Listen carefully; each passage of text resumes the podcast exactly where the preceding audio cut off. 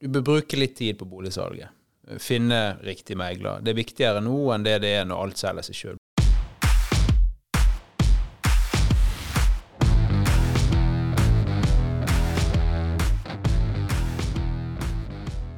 Da var det tid for en ny episode av eh, Boligrådet. Og I denne episoden skal vi snakke om eh, bolighøsten. Og Med meg da så har jeg Christer Vikebø og Tom Jørgensen fra privatmegleren Vikebø og Jørgensen. Velkommen skal dere være. Takk. Takk for det, ja. Nå er jo eh, høsten rett rundt hjørnet. Og hva tenker vi egentlig om boligprisene? Det er jo fortsatt mye snakk i, i media. Hva tanker har dere gjort dere?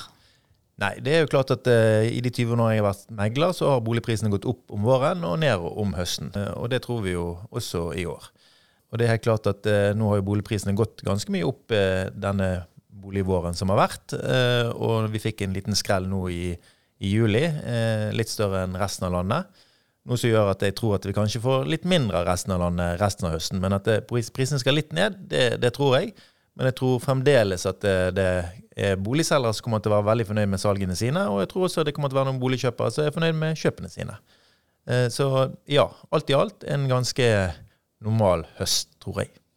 Ja da, jeg, jeg tror jo det at eh, sannsynligvis kommer til å bli mindre dramatisk enn det eh, mange kan se for seg. Og som Tom var inne på, så etter prisfallet i juli så er vi ikke så langt unna nullpunktet fra januar 2022. Som betyr at vi egentlig har hatt en flat utvikling de siste to årene. Og jeg tror ikke vi skal veldig langt under. Så, så det er ganske begrenset nedside, tenker jeg. Eh, og det betyr at ja, kanskje det tar litt lengre tid å få solgt enkelte boliger. Men, men jeg tror ikke det blir veldig dramatisk. Det, det, tror jeg ikke. Og Samtidig så ser vi også eh, at eh, disse økonomene synes å være enige om at denne rentetoppen også er rett rundt hjørnet. og det er vel kanskje den som har vært litt jokeren for folk. At de har vært litt usikre på ja, hva, hva boliglånet kommer til å koste fremover. Tom, du nevner jo eh, at det er noen boligselgere som kan gjøre noen gode salg. Hva, hva vil være fornuftig for boligselgere nå denne høsten? Jeg tror det at det er i et litt mer krevende marked, som vi kan se på høsten her nå, så er det jo klart at eh, de valgene man gjør, blir jo enda viktigere. Velge rett megler, gjøre boligen sin mest mulig representabel for markedet gjerne skille seg litt ut fra alle andre. Eh, og det å velge rett markedsføring, sånn at du, når de rette interessentene. Jeg tror det blir enda viktigere eh, nå når markedet kanskje blir litt tregere og tar litt lengre tid å selge en bolig, enn det var når alt solgte seg sjøl, nesten. Ja da, jeg, jeg, er enig med Tommy i det. Jeg, jeg tror det, det, straffer seg å, å, å tenke altså, Du bør bruke litt tid på boligsalget finne riktig megler. Det er viktigere nå enn det det er når alt selger seg sjøl. Du kommer ikke til å få 20 stykker på visning denne høsten, men sannsynligvis de som kommer, er jo mer interessert. En ting som, som jeg erfaringsmessig tenker er fint på, på denne tiden her, eh, og i en situasjon sånn som dagens, er jo faktisk å prøve å finne en erfaren megler. Eh, altså en megler som har jobbet i et sånt marked som dette tidligere.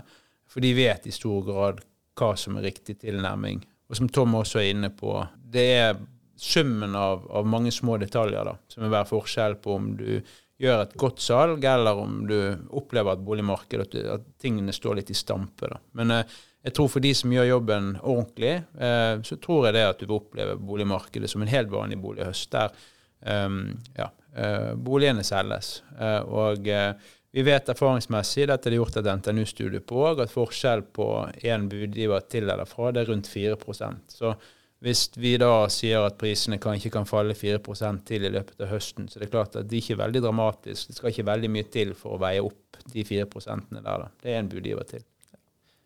For eksempel så ville jeg ikke spart 6000-7000 på foto med å droppe f.eks. å ta kveldsbilder eller å ta dronebilder hvis det er rett for den boligen, sånn som markedet nå. For eh, da skiller du gjerne litt ut fra alle de andre. Og Eh, det er jo sånn at det på høsten pleier det å komme litt flere boliger ut i markedet, som gjør at det, det kanskje er litt høyere tilbud enn vanlig. Og da er det jo desto viktigere å skille seg ut. For det er de små detaljene man gjerne trenger for å ha en litt annen prestasjon av boligen. Ja, jeg vil definitivt si at eh, i et boligsalg så avgjør altså de prosentene opp i pris man kan få over prisantydning gjerne, det avgjøres av detaljene du legger ned i, i salget. Og så, selvfølgelig antall interessenter og budgivere. Og Der er du jo inne på dette med markedsføring. For jeg tror jo det at det å bruke rett markedsføring i dette markedet òg er viktig. I og med at som sagt, du får ikke tid på visning.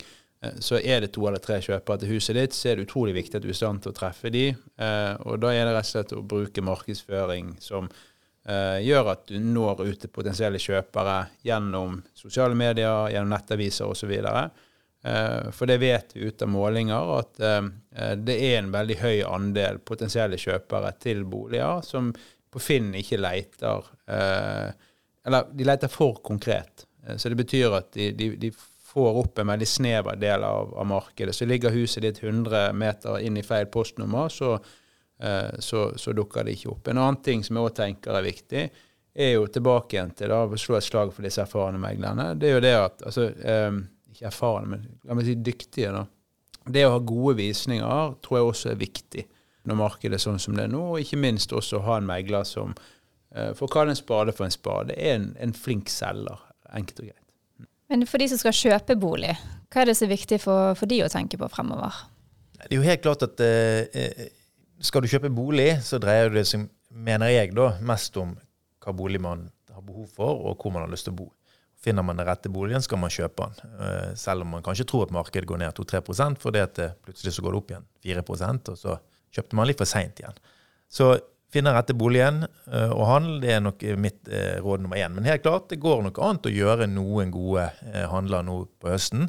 Og da også kan det være smart å gjerne snakke med en megler. Vi har jo bl.a. kjøpsmegling som et produkt i vår portefølje, der man da kan få tips og råd om de boligene man gjerne ser på, og få tips til budrunder, få tips til hva vi mener er riktig pris.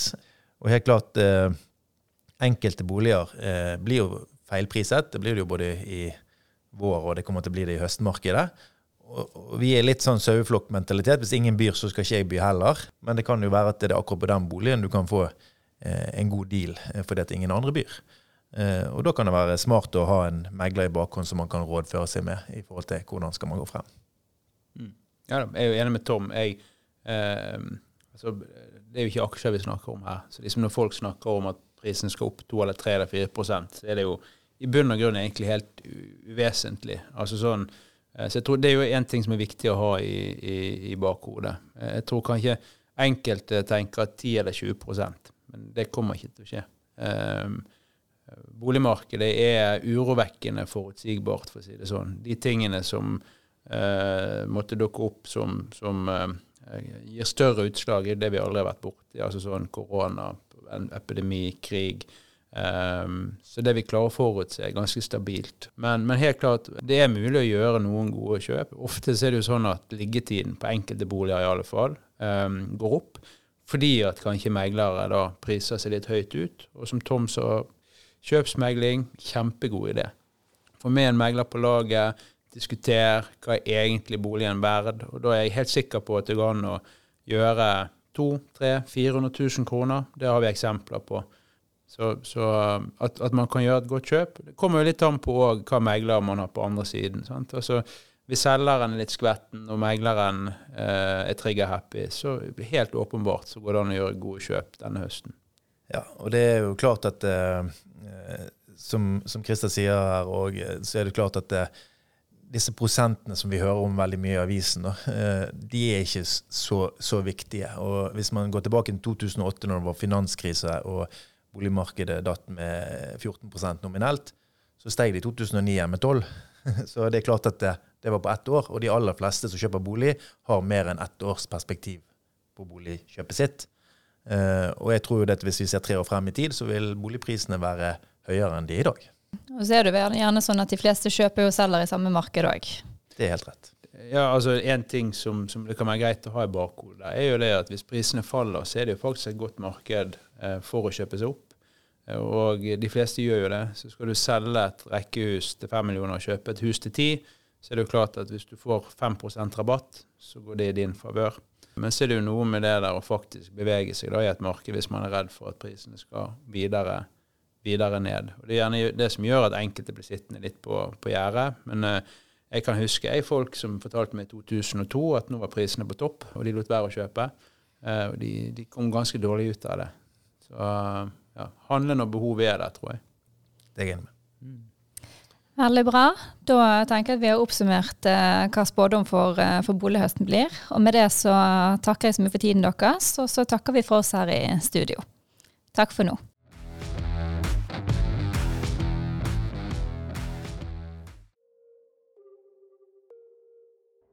Denne podkasten er produsert av Sunny Friday.